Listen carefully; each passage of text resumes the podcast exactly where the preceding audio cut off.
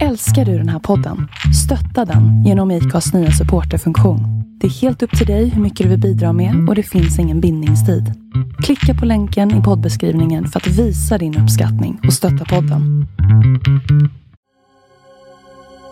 Då är det krig i Europa, igen. Vem är att skylla? Är det tvås fel att två träter? Eller kan detta framförallt skyllas på ena sidan? Vad finns det för grund i det argument som sprids av Putin? Är Ukraina en självklar del av ett ryskt imperie? Eller är Ukraina historiskt en egen nation? Och spelar detta egentligen någon roll? Har inte alla rätt att själva bestämma sin framtid oavsett dåtid? Vad kan vi veta om Putin och hans inre tankar, ifall han är rationell eller inte? Och vad händer nu? Är vi på väg in i en ny storkonflikt i Europa och kanske i världen? Och vad innebär i så fall det? Samtal om detta samt nyheter från TASS samt nyheter från Reuters och United Press International kan du ta del av i detta avsnitt. Trevlig lyssning!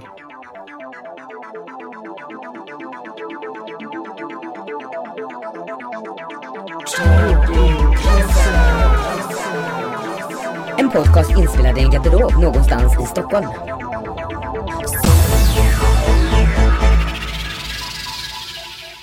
Hej och välkomna till Talking Closet och eh, andra avsnittet den här säsongen. Yes, Jag heter Christer CJ Järvel och du heter? Patrik Gren, som, vanligt.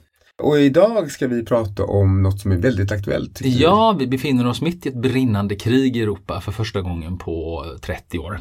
Ja, och dessutom ett ganska allvarligt krig då det innefattar två av Europas största länder. Ja, och geografiskt sett faktiskt de två största länderna, Ja. Ryssland och Ukraina. Varav ett, om inte en supermakt, som fortfarande är en stormakt med en rejäl kärnvapenarsenal. Det också. Och eh, det som kanske är, är hemskt med det här kriget är ju också att det, det kan riskera att spilla över, sprida sig till andra delar av Europa och världen. Men Putin har ju själv varnat att om väst blandar sig i den här konflikten så ska det få konsekvenser som är mer förödande än man någonsin har sett förut. Liksom. Vilket ju är ett förtäckt kärnvapenhot, Ja. mer eller mindre. Sen får man ju se hur mycket allvar han lägger bakom det. Liksom. För väst har ju redan blandat sig i det här. Ja, och det vet vi ju inte. Problemet är att eh, den dag man får veta det så är det kanske lite sent då. Ja, så är det. Eh, och Ryssland är, även om inte som sagt det är en supermakt, så är det en stormakt och eh, det enda landet som skulle ha förmågan att ödelägga USA och Europa med kärnvapen faktiskt. Ja, väl, de har annan. väl enskilt har de den största kärnvapenarsenalen i Ja, världen. jag tror de jag. över 7000 faktiskt. Och några av de största också rent, eh, om vi säger eh, bombstorlek. Eh, storlek. Bombstorlek. ja, vad heter det när det är? Jag vet inte. Nej, TNT, man räknar ju. Ja men precis. Ja. Det är illa nog i varje fall. Och, Eh, och och sen, Sovjetunionen testade den största kärnvapenbomben som någonsin har testats och den var typ dubbelt så stor som den största USA testat. Och tusen gånger så stor som Hiroshima.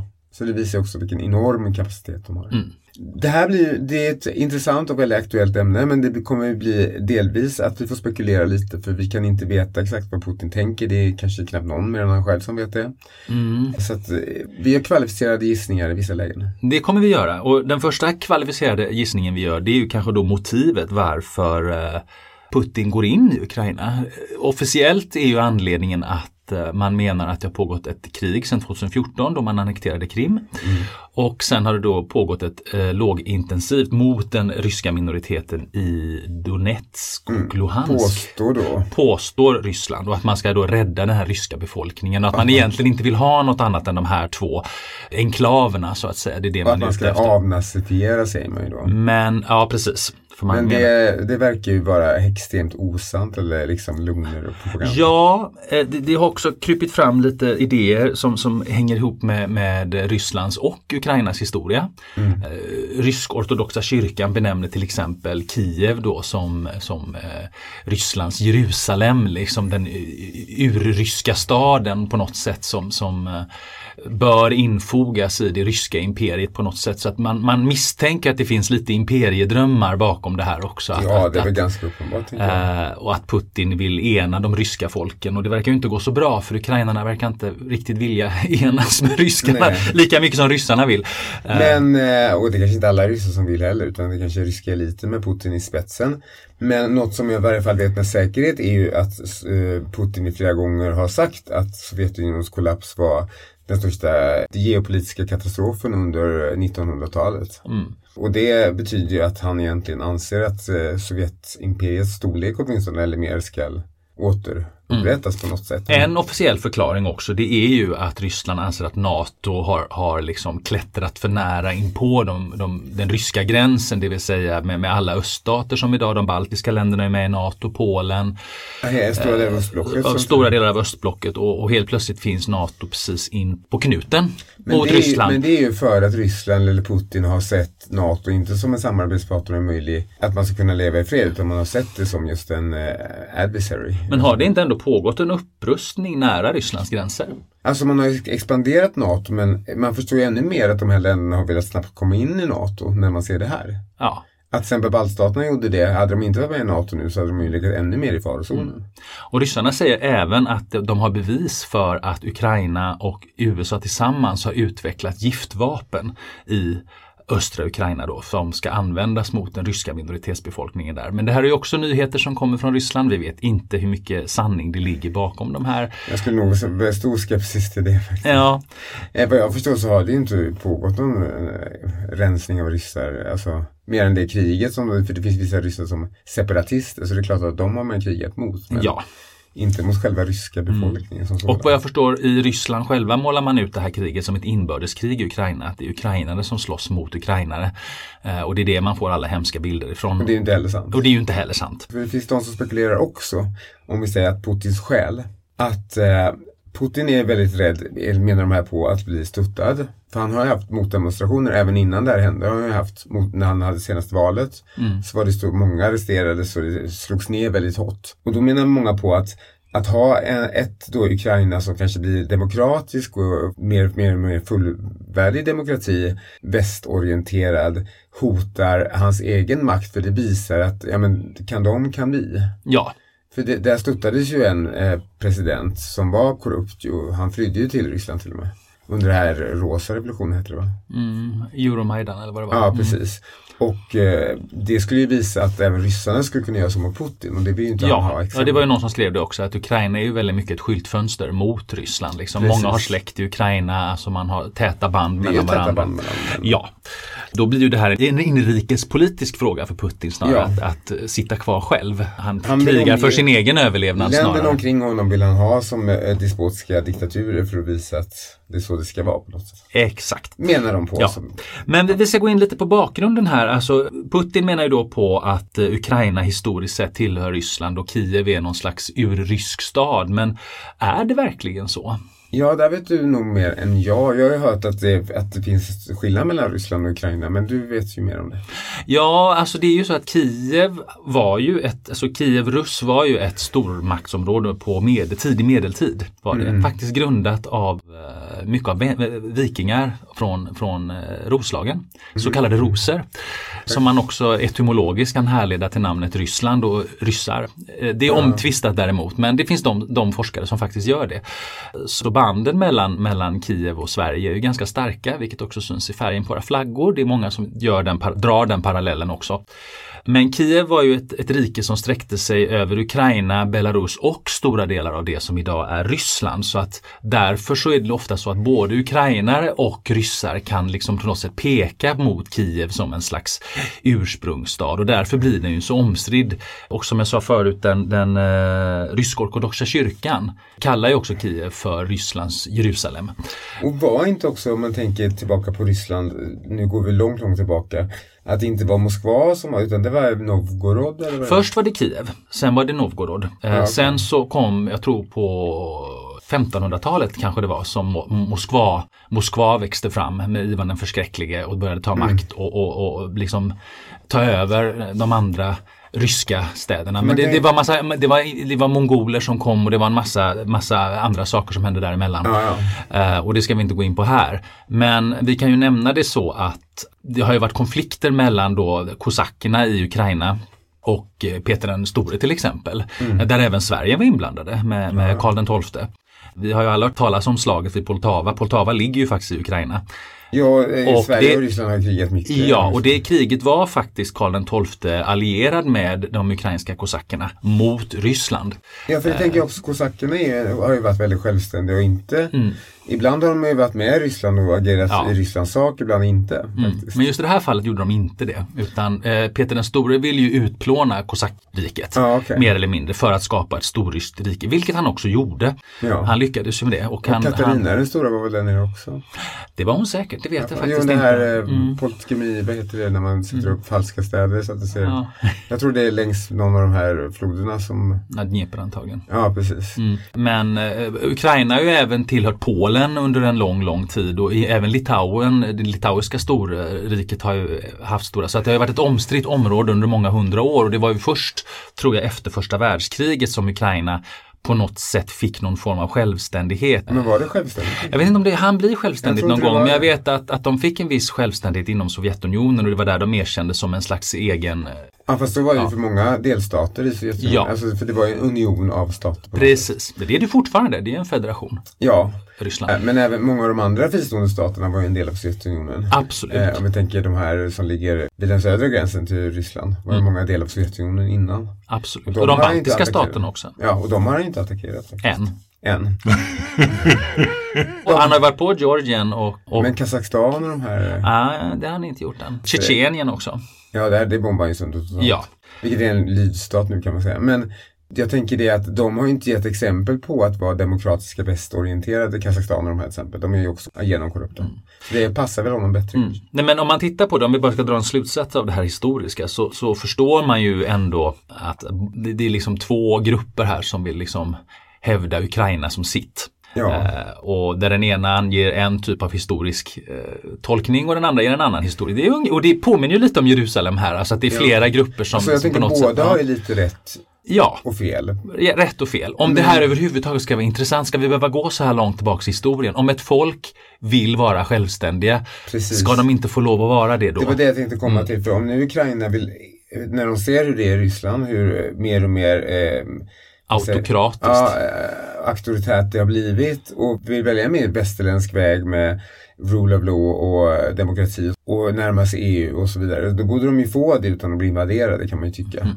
Oavsett historien. Absolut. Eh, men jag tänker också Ukraina, hela den här delen visar ju på för det är samma, Polen har flyttat runt på kartan. Det finns kanske något litet område som alltid har varit Polen förutom när det var helt borta från kartan. Ja. Men annars har det flyttat runt så det var så att Polen har ju varit väldigt olika geografiskt. Så, så har det varit med Ukraina också. Liksom. Ja, De här delarna har flyttats. Så, det är ju konfliktområde i Europa på grund av att det alltid har varit så. De här ja gränserna har flyttats ja. Inte så mycket här i Norden som tur är. Och därför har vi haft mer fred också.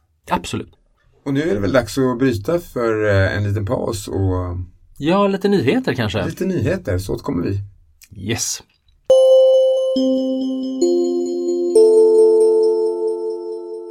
Och här kommer en politisk väderleksrapport från ryska TASS. Putins stora fredsoperation i Ukraina löper på med stor framgång och Rysslands modiga soldater har befriat stora delar av Ukraina från de nazistiska översittarna som tagit över landet mot folkets fria vilja. Många ryska soldater berättar stolt om hur de möts av jubel från ukrainare som ger dem blommor, kramar och choklad. Tyvärr återstår dock motstånd från fanatiska nazister med den illegitime presidenten Zelensky i spetsen, vilket tvingat Ryssland att mot sin vilja bomba militära mål, men som även drabbat civila då de elaka nazi-ukrainarna ställer upp civila som levande sköldar. Nazisterna, som nu styr Ukraina, har visat upp flyende kvinnor, döda barn och bombade sjukhus i sin propaganda för att svartmåla de ryska styrkor som nu befriar de ukrainska folken från sina kedjor. Kära lyssnare, stolta ryssar, tro inte på dessa lögner. De döda barnen var också nazistsympatisörer och självmordsbombare. De var tvungna att dödas för att rädda hundratals civila ukrainare som inte tror på den fasansfulla nazistiska ideologin. Det så kallade sjukhuset som de modiga ryska befrielsestyrkorna bombat var inget sjukhus. Det var ett laboratorium där man experimenterade på oskyldiga människor för att utveckla hemska kemiska och biologiska vapen tillsammans med de onda, dekadenta västmakterna som lever i lyx, överflöd och omoraliska orgier. De kvinnor som flyr, flyr från den västorienterade ideologin som tagit över Ukraina, där män kan vara kvinnor och kvinnor kan vara män och där sodomi ses som något helt normalt. Dessa kvinnor flyr i skräck från ukrainare som vill operera om dem till män och tvinga in dem i den ukrainska nazistarmén. Dessa kvinnor välkomnar de ryska befrielsebomberna som ska bomba sönder denna fasansfulla dekadenta ideologi. Nazisten Zelensky har feg flytt Ukraina och befinner sig nu på en lyxig söderhavsstrand. Zelensky har därmed visat sina rätta färger, nazistbrunt och fascistsvart, då han lämnat sina landsmän i sticket. Länge leve de ryska befrielsestyrkorna! Länge leve vår geniala ledare, räddare av civilisationen, Putin, den främste bland ryssar! Och nu över till väderleksrapport ifrån Reuters och United Press. De ukrainska styrkorna försvarar sin rätt till frihet och självbestämmande. Ukrainas president Zelensky är kvar i Ukrainas huvudstad och leder försvaret med sitt liv som insats, trots att Putins invasion fortsätter med allt större brutalitet. Då Putins styrkor bombat sönder sjukhus och bostadsområden har miljoner ukrainare tvingats på flykt. Var det allt? Ja, det var, det var ju det som har hänt. Men det var ju jättetråkigt. Tråkigt, det var ju nyheter. Ska vara sanna. Ska det vara underhållande? Folk har något att lyssna på. Jaha, ska det vara underhållande? Självklart. Jaha.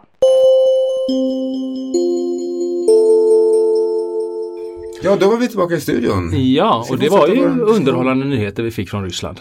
Ja, inte så mycket från eh, västsidan kanske. Nej, men vi lever i en tråkig del av världen, gör vi inte det? Ja, dekadent och orger och allting. tydligen. Eller hur? Eh, vi har ju pratat lite om den historiska bakgrunden och varför, motiven bakom, Möjliga motiven. ja, möjliga motiven varför Putin gör det här, eller Ryssland gör det här. Putin är väl inte ensam, även om han bestämmer. Liksom, så har Nej, han väl nej, ett- det är klart han inte. Du kan ju inte styra så helt ensam utan, men han har ju väldigt mycket makt. Otroligt mycket makt. det måste han ha, ja. Och verkar ganska isolerad som det ser ut i varje fall. Men eh, man kan väl säga att även om nu ryssarna förnekar det så eh, tills idag så har nog kriget gått mycket sämre för Ryssland än vad de hade trott, verkar det som. Ja, det verkar ju lite som att de hade räknat med ett blixtkrig in, de skulle ta Kiev och de skulle avsätta presidenten och sätta dit en marionettregering. Och rensa ut alla obehagliga element som de själva kallar nazister då, men som antagligen är sådana som inte håller med Putin. Precis, och det har ju inte gått så bra. Kiev har man, när vi gör detta i varje fall, fortfarande inte intagit. Det läste jag också någonstans. Jag såg någon som eh, dessutom har jobbat med Putin och kände till Putin väldigt väl. Han är ju motståndare till Putin nu. Han spekulerade att Putin antagligen trodde att många, att han själv har köpt sin egen propaganda. Att han trodde att många ukrainare skulle välkomna honom och eh, ungefär som när Tyskland tog Österrike. Att de skulle liksom glatt ta emot dem med öppna armar. Ja, och och så det har de verkligen inte blivit fallet. Nej, och så är det ju att under de här åren som har gått sedan Krim annekterades så har det ju varit ett lågintensivt, eh, en konflikt eller krig mellan Ja. Ukraina och Ryssland. Och under den här perioden har ju Ukraina lyckats enas som nation under en flagga väldigt mycket och mer än vad Putin tror jag hade anat. Och de har blivit mer västvänliga än vad jag tror på att de, de önskar ha rule of law och demokrati och eh, minska, det är ju korruption i Ukraina, stor mycket korruption. Men vad jag förstår, men att de ändå vill gå åt ett håll där det är mer som eh, vi har det i väst. Ja, Och att det har gått så pass långt att det är svårt att slå tillbaka det nu. och historiskt har ju Ukraina också varit, delar av Ukraina har varit Mer västorienterat. västorienterade väldigt, väldigt i många, många hundra år. Liksom. Ja, men det- just också att det här att eh, det är inte så konstigt om man hellre vill ha möjlighet till demokrati, yttrandefrihet och kanske bättre välstånd än vad korruption ofta leder till.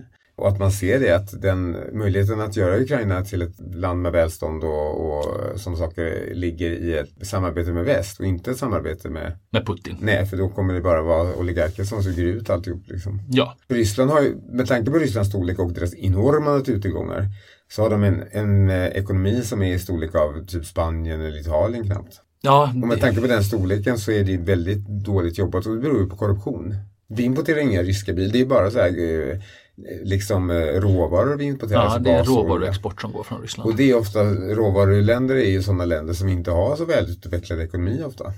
Precis, och nu med de här sanktionerna som har riktats så dräneras ju ekonomin ytterligare. Nästan eh, stora västerländska företag drar sig ur nu. Ikea, eh, McDonalds eh, och de här drar sig ur nu. Så att, att det går ju mer och mer till att likna gamla Sovjetunionen igen. Precis, och även hur man slår ner på eh, Demonstrationer. Ja, och all, all annan media som inte är statsstyrd.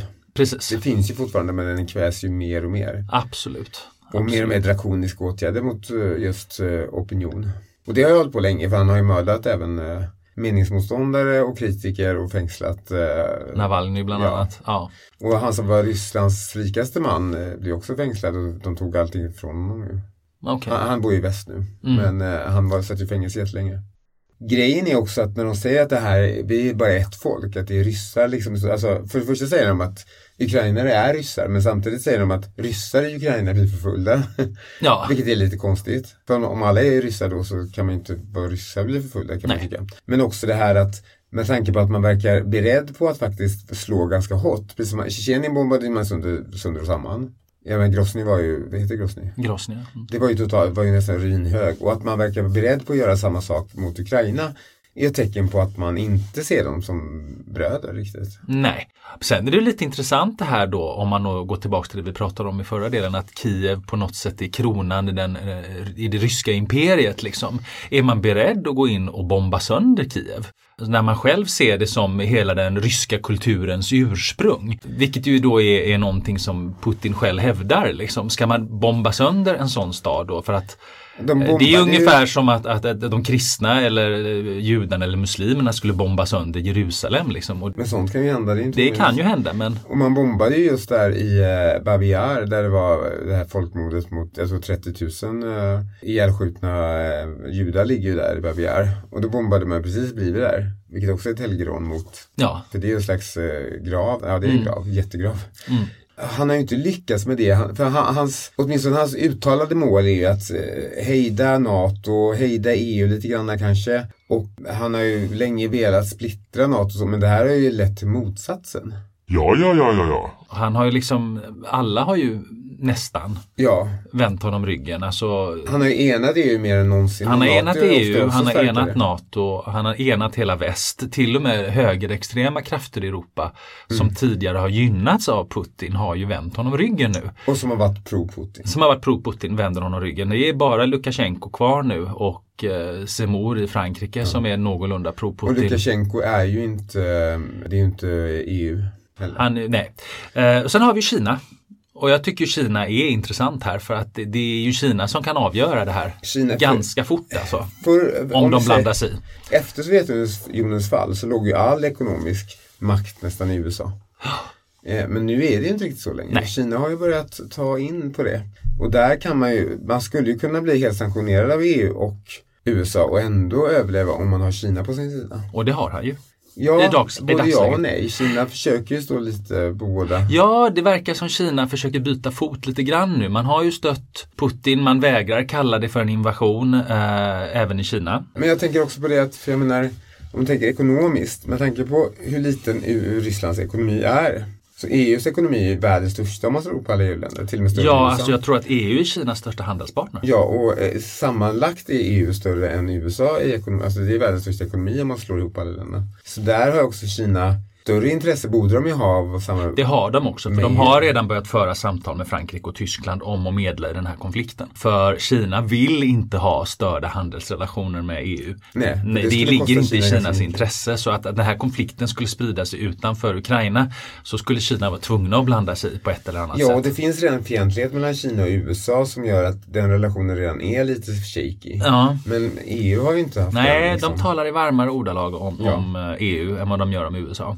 Så. Och nu är det ju så att Ukraina ligger i Europa eh, och Ja. det, det kommer skada Kina mer om kriget sprider sig i Europa. Ja, plus att eh, jag tror att om Kina tar väldigt stark ställning för Ryssland så kommer EU till slut också bli mer fientligt mot Kina. Definitivt. Och Kina är en viktig handelspartner, uppenbarligen. Ja, Eller jag menar, EU är en viktig handelspartner för Kina. ja Kina är en viktig handelspartner för EU också. Ja, ja, så är det ju såklart. Uppenbarligen. Eh, men sen också har man tänkt på det att Tyskland har ju ända sedan andra världskriget varit extremt anti att rusta upp sin egen militär. Man har inte velat blanda sig i. För man har så extremt dålig Dålig erfarenhet av att vara militaristisk. Men nu har ju faktiskt eh, Tyskland vänt för första gången sedan andra världskriget och ska rusta upp rejält. De dubblade sin eh, försvarsbudget, vilket är extraordinärt. Plus att de har börjat leverera vapen till en krigszon, vilket de aldrig har gjort sedan andra världskriget. Tyskland har också vänt och det undrar om Putin hade räknat med det. Och det är en socialdemokratisk han, regering. Ja, det är det. Och han, han hade nog räknat med att EU var mer söndrat än han trodde. Att NATO var mer söndrat. Att Ukraina var mer vänligt inställt till Ryssland. Mycket och det roliga tänk nu på det här. eh, Att det här är ju propaganda som ryssarna själva har pumpat ut. Hur degenererat EU är, hur sönderfallande det är. Åh, det är så dåligt. Ukrainarna vill egentligen tillhöra Ryssland. Det här är ju lögner som den ryska propagandamaskinen har pumpat ut i åratal nu. Och det verkar lite som Putin själv börjar tro på sin egen propagandamaskin. Men Om det han är isolerad så blir Ja. det så. Och det är ju lögner och har han trott att det var så här då trodde han att det skulle bli mycket enklare. Då, var Ukraina en, en liksom eh, walk in the park. Alltså det var som krim. Ja. Men det blev inte så. För det, det var inte, hade ingen verklighetsförankring. Nej, men eh, det är ju lite sant att EU har ju varit mer splittrat än Oh ja. någonsin. Men det här har ju enat EU igen mer än förut. Ja. Det finns ju också starka tecken på att eh, Ryssland har infiltrerat både genom sociala medier och på andra sätt EU för att splittra. Brexit Ja. bland annat verkar det som att det fanns ryska pengar som stödde då eh, Ja, och sen vet vi ju att, att ryska pengar har stött Front National, alltså Marine Le Pens kampanjer och andra högerextrema kampanjer Precis. i Europa. Och vissa vänsterextrema också, mer högerextrema. ja, för att splittra just liksom. Och det pratar vi om här i Sverige också. Hur mycket koppling har Sverigedemokraterna egentligen till Ryssland? Det vet Ja, man ju inte vet och man kan inte reda ut för att de har ju Jimmy Åkesson har vid ett flertal tillfällen haft svårt att välja mellan eh, Biden eller Putin eller Macron eller Putin liksom och vill, Ja. inte, ta, vill, vill inte välja sida liksom. Vilket jag tror han kanske ångrar lite att han har sagt idag. Eh, Ja, men Putin lyckades ju också splittra USA internt väldigt Mm. mycket. Och hade Trump varit president fortfarande, vilket också Trump verkar få stöd från, det är ganska uppenbart att han fick hjälp från Ryssland på olika sätt. Han sa ju till och med själv det, Russia if you're listening, eh, find the 30 000 missed emails som eh, då Hillary skulle ha Mm. eh, skrivit som man inte kunde hitta då. Dagen efter hade de ju då infiltrerat eh, Demokraternas högkvarter och faktiskt pumpade ut saker som de hade skrivit som visade att Hillary eh, och kampanjen hade underminerat Bernie Sanders kampanj och lurat dem. Vilket gjorde att många demokrater vägrade rösta på Hillary sen. Så han lyckades ju påverka det ganska mycket faktiskt. Ja, Och där är ju så också att eh, Trump var ju ganska NATO-skeptisk och eh, han kunde ju inte lämna NATO för det finns för starka krafter i USA som inte vill lämna NATO. Men eh, flera Trump-presidentperioder skulle kunna leda till något sånt kanske. Ja. Och då är det ju inte så bra. nej. NATO utan eh, USA, USA. är ganska försvagat. Därför gäller det att Tyskland och de kan rusta upp. Ja, vi kan inte lita på för Trump kan komma tillbaka. Trump kan komma tillbaka, man vet ju inte. Även om eh, hans parti kanske, det finns ju många där som inte vill det så är det ändå det är Många som vill det. Ja, men till och med Japan har ju tydligen ändrat inställning och levererar lite, inte vapen men eh, bulletproof west och Ja. till Ukraina. Så det verkar som att han har fått väst att vakna till och faktiskt bli det som han inte vill. Som han hade hoppats kunna förinta. Ja, nu har, har han lyckats förena det istället. Så Ja, att eh, och det är samma där, hans förföljelse av hbtq-personer är också det här att han vill måla ut väst som dekadent, feminint, svagt, men det är ändå kvinnliga då. ganska starka ledare som ställer sig mot honom så att det kanske inte är så svagt och degenererat. Nej, det är väl det han har fått lära sig. Att det, det, det, de här demokratierna var inte så svaga som han trodde. Nej, och och det har vi fått precis- visat för oss också. Det var ju precis som Hitler. Hitler var också så att de västerländska demokratierna kan ingenting. Men det fick han ju också bita sig i tungan. Ja, De kunde ganska mycket Ja. när, det väl, när de väl enades. Liksom. Men också några obehagliga saker. För du nämnde om det här med att den ryska propagandan påstår att eh, man har utvecklat giftgas och så. Men det var någon som menade på att det är propaganda bara för att man nu ska själva använda det mot ukrainarna. Och att man då vill säga att det var för att de har utvecklat det som vi använder det. Det är Som vanligt. spekulationer.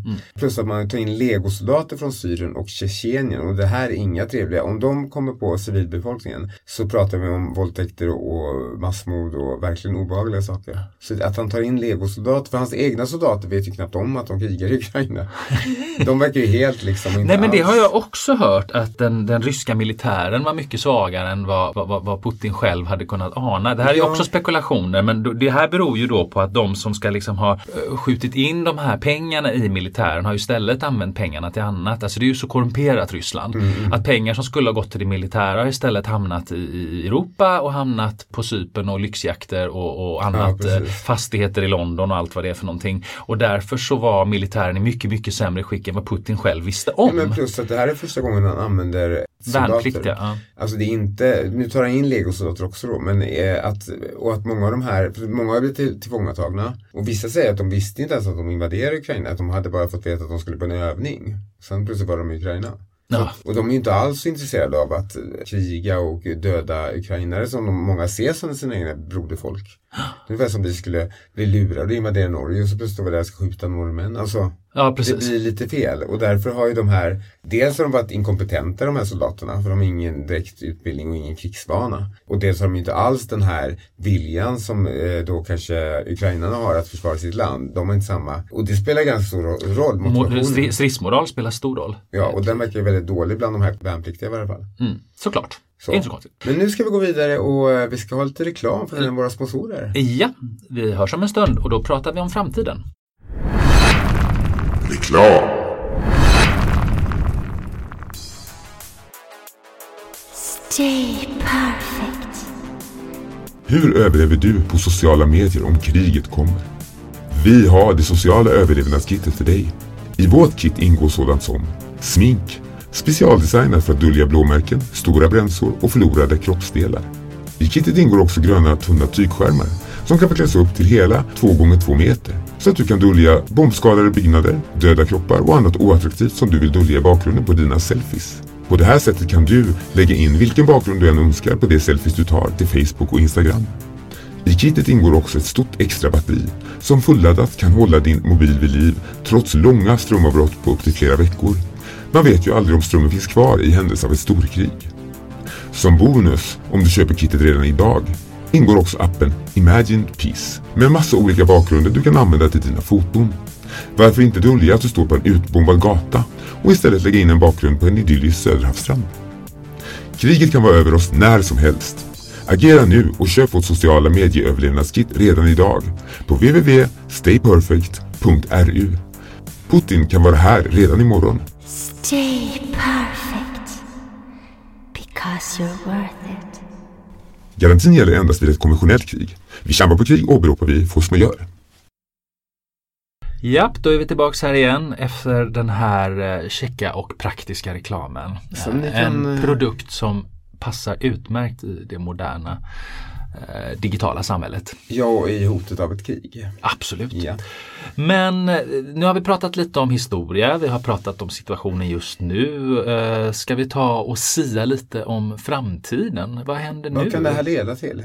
Ja, vad leder det här till? Kommer det bli ett världskrig? Kommer vi alla dö i, i en kärnvapenutplåning?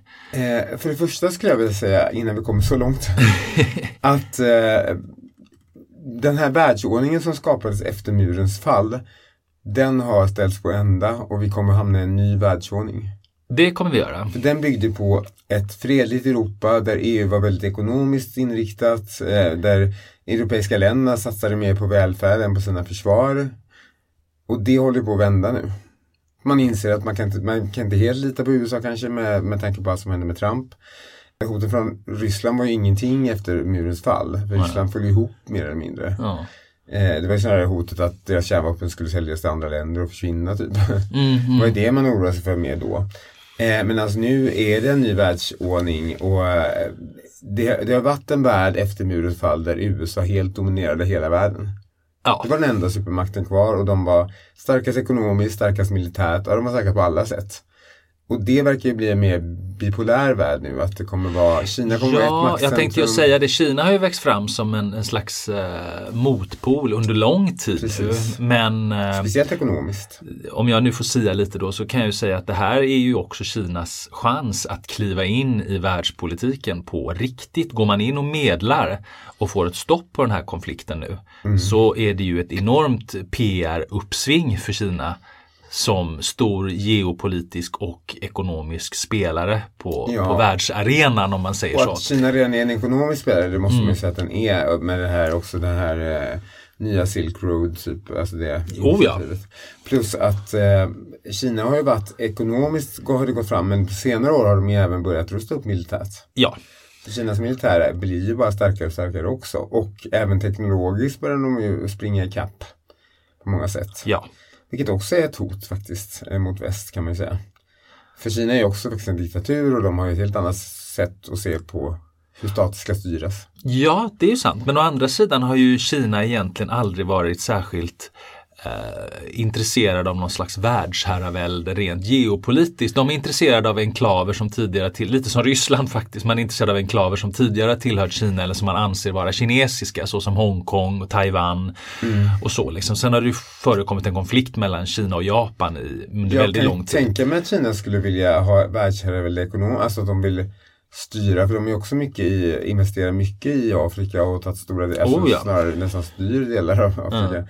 Eh, så att på det sättet, men däremot har de ju, de har aldrig varit expansiva rent geografiskt, att de liksom har velat utöka kinesiskt territorium så direkt. Ja, de gjorde ju det väldigt tidigt med tanke på att Kina är så stort. Ja, tänka på att en gång i tiden så har de ju redan expanderat i, i, inom den asiatiska sfären så att Ja, säga. Och som jag Kina säger, idag så är ja. det bara Taiwan i stort sett kanske. ja, eh, än så länge. Det finns säkert andra eh, som Singapore och så där det bor mycket kineser som i framtiden. Det kan bli intressant för Kina också. Men ja, men de har inte, jag tror har inte varit där än. geografiska stormaktsambitioner och Nej, de har ju inte det. De har har ekonomiska stormaktsordning. Ja. De har ju sagt att de vill vara världens största ekonomi 2049.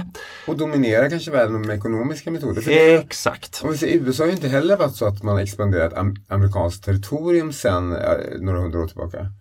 Nej. Eh, men däremot har man ju styrt världen genom att vara ekonomiskt och militärt dominant på andra sätt. Ja, och det är nog dit Kina vill. Jag De har ett precis. uttalat mål att bli, som jag sa, världens största det är ekonomi på något fram sätt till lite 2049. bättre än att vara eh, så som Tyskland en gång var, så som Ryssland verkar vara nu, att man vill expandera geografiskt. Liksom. Mm. För det leder ju ofta till värre konsekvenser. Absolut. Eh, Så Ehm. det, men en ny världsordning definitivt och eh, som sagt Kina har, Ja, tror jag, chansen att steppa in här och, och Jag tänker att EU kan också bli en världsspelare i, i egen eh, makt, så att säga. det kan de bli. Eh, för att EU är ju, om man slår ihop alla EUs, eh, EU-ländernas ekonomier så är det världens största ekonomi. Och så det, som är enskild maktspelare då gemensamt kan man bli väldigt stark om man håller, kan hålla sammanhålla. Om man kan sammanhålla och om man upprustar militärt, vilket Ja. man nu också gör. Ja, och samtidigt även om man då expanderar ut mot, som man har försökt då kanske Ukraina skulle bli medlemmar. Och kanske Ja, de har ju ansökt om andra EU-medlemskap. länder. Turkiet har ansökt också även om det inte är aktuellt längre kanske. Men det finns ju vissa fortfarande kvar. Det finns även vissa europeiska länder kvar. Oh, ja. Eh, jag, eh? Storbritannien. Ja, om inte Skottland då, eh, Nordirland kanske blir återigen. Eh, men jag tänker också på, eh, som vissa delar av forna eh, Jugoslavien är ju inte medlemmar. Nej. Och vissa andra, det finns vissa mindre enklaver kanske. Island. Även om det inte är Norge. så stor ekonomi kanske. Ehm, ja, Schweiz. Ja. Men om vi ska titta på det här för Sverige och, och Skandinavien, alltså ryssarna har ju i, i det här också hotat Finland och Sverige indirekt genom att vi då har skickat hjälp till Ukraina och dessutom så har de ju sagt att, att vi, får in, vi får inte gå med i NATO. Alltså de, Nej, de vill att vi, vi inte gör det. På så sätt lägger de ju sig i både Sveriges och Finlands säkerhetspolitik och Finland och Sverige har reagerat ganska olika på det här. Eh, Finland har ju öppnat för NATO-option snarare medan Sverige ställer sig med Magdalena Andersson ställt sig väldigt tvekande till eh, det här med NATO och sagt att det är inte aktuellt Ja, för alltså fast jag tänker att det, åh, det här är så svår fråga. Ja, det är en svår fråga. För under andra världskriget var det väldigt bra att vara neutrala även om vi då kanske svek lite grann. Men samtidigt kunde folk fly hit som annars hade blivit mördade antagligen. Eh, faktiskt. Ja. Så att, eh, men grejen är också att Problemet här är ju att eftersom vi nu har så nära samarbete med NATO och att det är ganska, det är ingen hemlighet heller. Nej, Så vi är ju någon partner på något sätt. Så att om det blir storkrig så blir vi ändå indraget. Så det är inte lika bra att vara fullvärdig medlem då, tänker jag.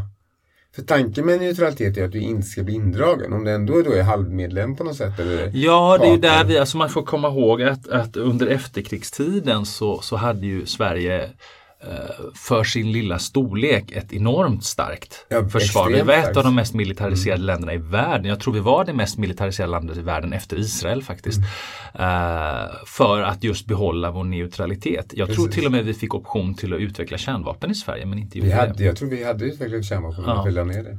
Men, och det är samma, för jag vet att vissa av våra stridsflygplan var byggda för att kunna bära kärnvapen. Ja. Men vi har ju en eh, stor vapenexport idag på grund av det. Ja, och grejen är, det hade vi även under andra världskriget och eh, Bofors var ju jättestort, eh, Boforskanoner och så vidare. Eh, men också att vi har, ehm, jag menar när jag gick i skolan kom jag ihåg att hela idén var att vi skulle vara så militärt starka att en för vi skulle aldrig kunna, om vi säger att Sovjet skulle anfallit Sverige och bara haft sikte på att ta Sverige, då hade vi, vi hade inte kunnat vinna. Nej. Men tanken var att de skulle se Sverige och se att det är så kostsamt, de är så starka så det är bättre att gå runt dem. Det var ju hela tanken. Ja. Att slippa bli indragen helt enkelt. Men när vi är partner med eh, NATO så blir vi ändå en fiende indirekt. Ja, vi är ju skottgluggen Ja. nu. Alltså, de har ju uttryckt hot mot Sverige och Finland. Och eh, ett, en region som absolut ligger i farozonen, speciellt om nu eh, Putin tycker att eh, Sovjetunionens kollaps var den större, största geopolitiska katastrofen under 1900-talet. Det betyder att Baltikum också egentligen borde tillhöra ryssfären enligt honom. Indirekt Ja. säger han ju det, för det gjorde det då innan Men nu kollapsen. är ju faktiskt baltstaterna med i NATO. Ja, men skulle, för det, det är ett av de områdena han skulle kunna ha siktet på. Om man lyckas till exempel splittra NATO på något sätt eller få USA gå ur NATO. Mm. Eh, då skulle han ju kunna, och då har ju Sverige, för dels Gotland ligger så geografiskt väldigt eh, Strategiskt. strategiskt. Det blir som en stor eh, hangarfartyg i stort sett mitt, mitt i eh, Östersjön. Och Ryssland har alltid sökt vägar ut till vattnen, alltså till olika, så att de kan eh, skeppa saker. Både i Svarta havet och i, de har hela tiden försökt komma åt det här, Bosporen heter det va? Ja. eh, mellan Turkiet och Grekland och just i, i Östersjön. Och grejen är då att Sverige har ju, dels på grund av Gotland men också Sverige har ju investerat väldigt, svenska banker har ju mycket investeringar i Baltikum. Så skulle de länderna bli indragna så är det väldigt svårt för Sverige att hålla sig utanför om vi inte ska göra enorma förluster. Jo, men om de länderna blir indragna så blir ju NATO indraget. ja, men per det skulle ju vara om. USA då har lämnat NATO, vad händer då? Liksom?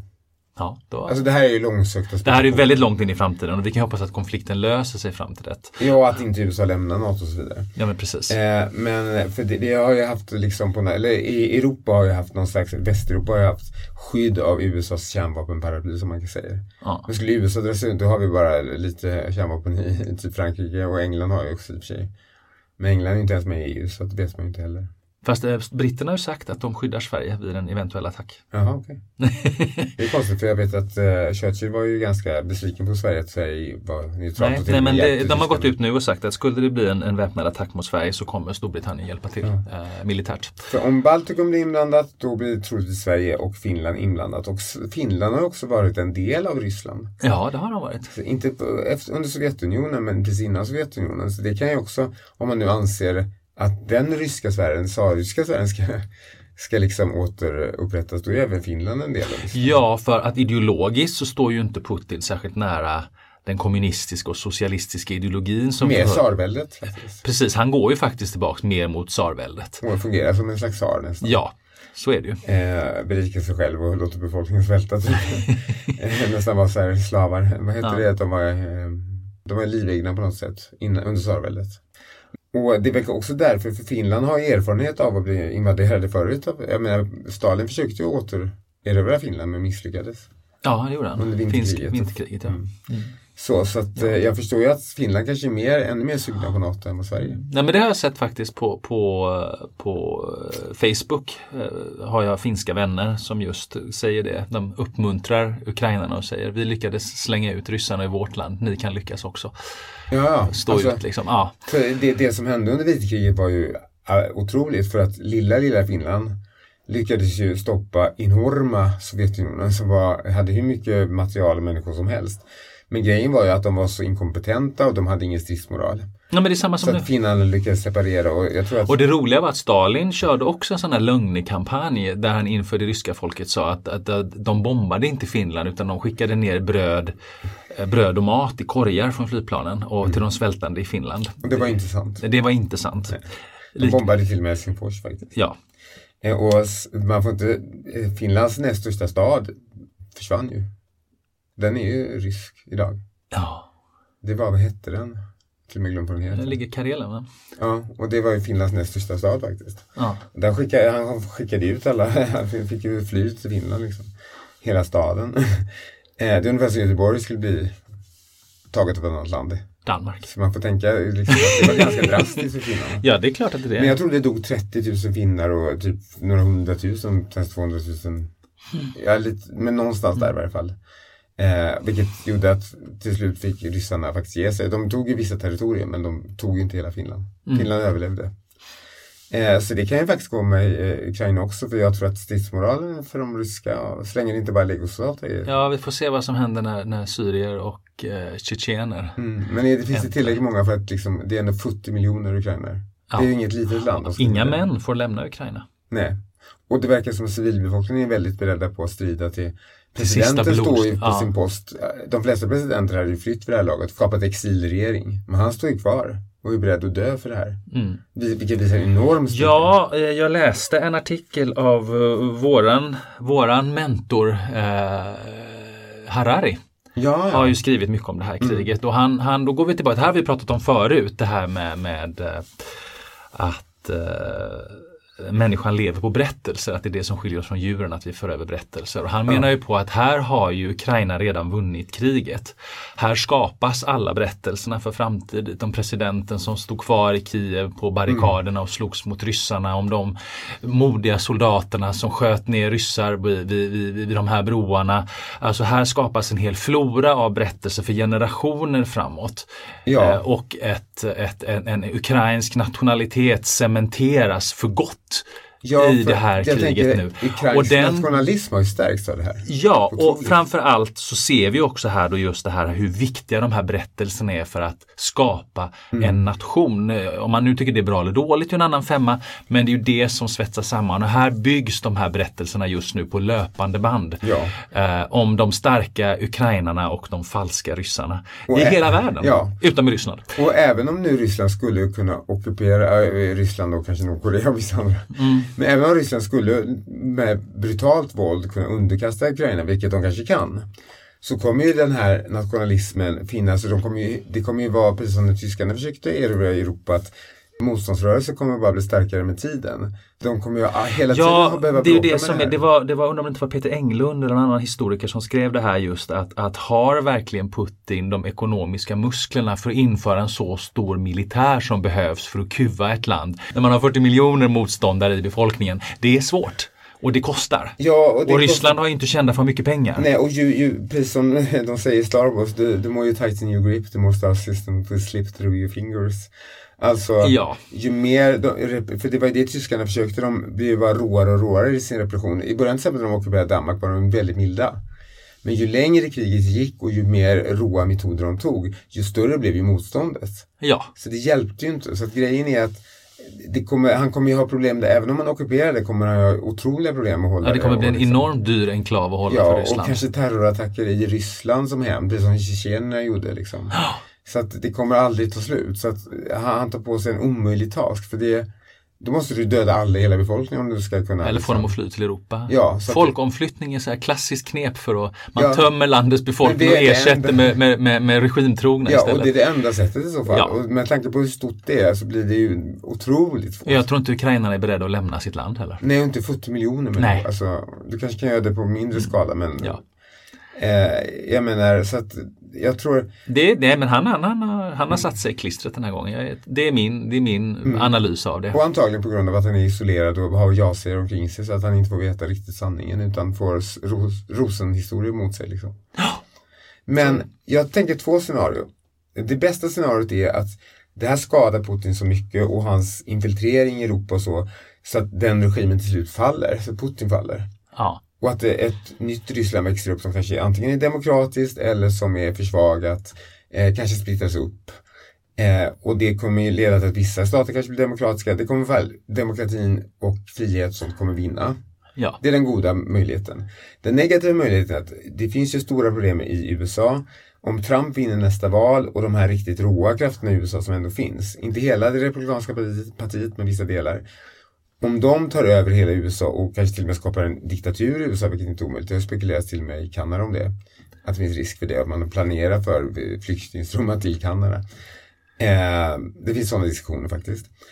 Om det händer och Trump dessutom då har så mycket makt att han kanske till och med kan för han är ju Putin-vänlig, att han istället blir vän med Putin, skapar allians med Putin, lämnar NATO. Då ligger vi alla lite till och då kanske inte demokratin, då kanske förtrycket under en viss tid i varje fall kommer vinna.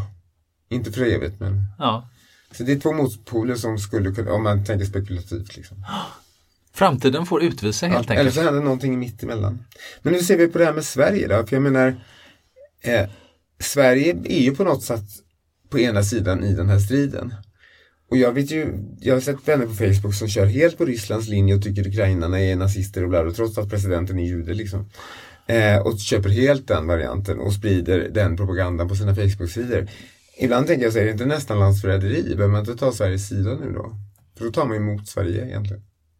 Ja, men alltså det, det, så är det ju. De tycker väl antagligen att det är det bästa för Sverige. Jag kan ju också tycka då att, att, att Sverigedemokraterna då som har visat sig vara så Putinvänliga liksom, blir ju nästan en slags femtekolonnare idag. Liksom. Där de blir Ja, liksom för att- Putins lydiga ögontjänare som har sprungit runt och gjort hans ärenden i Sverige genom att splittra landet. Ja. Precis enligt Rysslands intressen.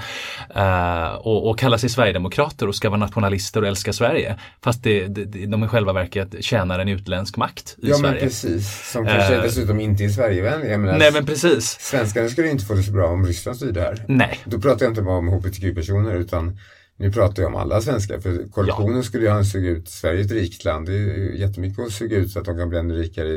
Ryssland så- jag kommer inte gynna svenska oligarker liksom. Nej. Eh, men sen tänker jag också det att, eller kanske ett fåtal då, men. Eh, sen tänker jag också det att hade det varit i Ryssland, för vi pratar ju om freedom of speech och så, det ska man naturligtvis ha. Men det kommer ju en gräns om Sverige ligger i krig. Då går ju gränsen, för då kan man inte längre säga att man kan stödja motsidan för vi ska ha yttrandefrihet här. För motsidan kommer ju aldrig säga det. Alltså i Ryssland kan du ju inte säga så att jag stödjer motståndarsidan. Alltså, Nej. och det gör man ju inte i händelse av krig i varje fall. Nej. Men nu ska det inte bli krig i Sverige hoppas Nej. vi. Sen den sista frågan är, hur ska, för det sprids ju desinformation även på Facebook och så. Hur bör Sverige behandla det? Hur ska man agera mot det så att inte lugnerna kommer hela vägen? För nu anser vissa då att det är vi som ljuger och att Putin talar sanning men jag tycker de är ganska urblåsta faktiskt. Ja, det är ju svårt. Vi, vi lever ju i en tid där sanningen har blivit relativ väldigt mycket och, Och man kan haspla ur sig vad som helst utan någon som helst källkritik och så. Och det, det gör ju att det här blir väldigt svårt. Eh, där yttrandefrihet handlar om att jag kan säga precis vad som helst, att människan härstammar ur grisen eller vad. Alltså, jag kan komma med vilka påståenden som helst, jag har rätt att yttra vad som helst och det ska vara sant. Och det, det, det blir ju svårt att hantera det. Alltså, Ja, speciellt när det gäller nationell säkerhet Ja. liksom, men yttrandefriheten omfattar inte nationell säkerhet. Det jag inte gör. Nej, det gör den inte. Eh, utan i frågor som gäller nationell säkerhet så, så måste det föreligga viss sekretess och man får inte säga vad som helst. Eh, så är det. För det som inte ligger i Sveriges intressen eh, kan man inte säga. Så blir det ett krig så kommer ju yttrandefriheten att beskäras i Sverige. Mer. Ja, för man kan ju inte ta motståndarsidans sida för Nej. då är man ju en landsförrädare. Ja, det blir ju då. Eh, men eh, det var väl allt vi hade att prata om där. Det tror jag. Följ oss på Facebook, följ Ja. oss på Instagram. Skicka Eh, pengar skicka via- pengar till oss, eh, swisha. Eller via, det går att swisha, det numret finns i uh, vår beskrivning om du läser på vår Acast-sida. Eller så går det också att konstra direkt genom Acast faktiskt. Ja, och vi finns på Spotify. Det finns vi också. Yes, Och iTunes. ha det bra. Hej då! Hej!